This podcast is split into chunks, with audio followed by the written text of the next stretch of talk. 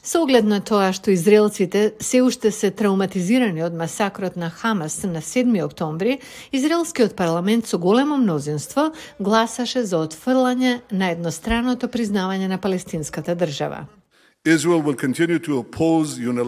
ќе продолжи да се противи на едностраното признавање на палестинска држава.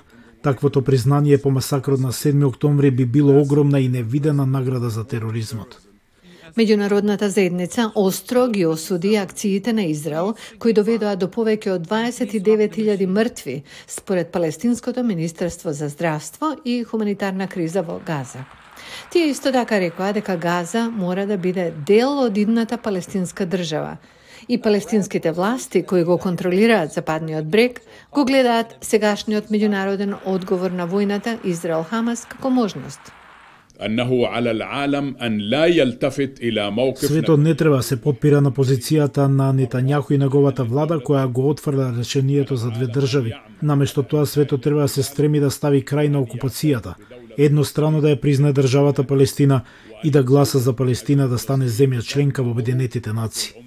Во американските извештаи се вели дека Вашингтон предвидува нов регионален поредок во кој Израел би се согласил на демилитаризирана палестинска држава на западниот брег и појасот Газа.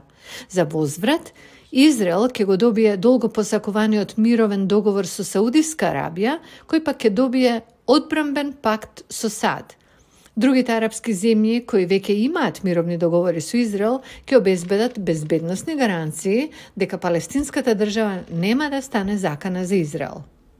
Некои палестински аналитичари и поранешни преговарачи за мировните преговори ја сметаат американската иницијатива како нереална и несуштинска.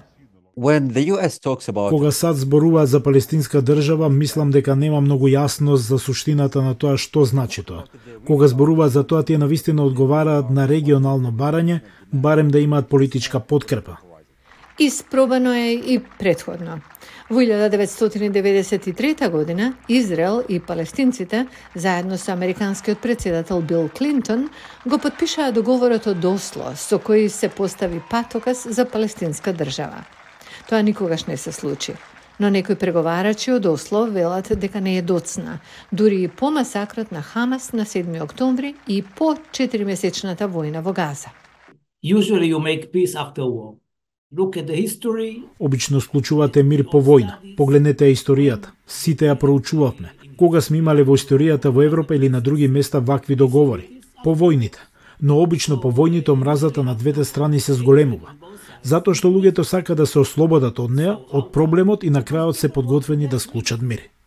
Но визијата на Бейлин за мир не е во согласност со моменталното израелско јавно мислење, според анкетата на Израелскиот институт за демократија, според која две третини од израелците не поддржуваат палестинска држава, дури како дел од договорот кој вклучува мир со Саудиска Арабија.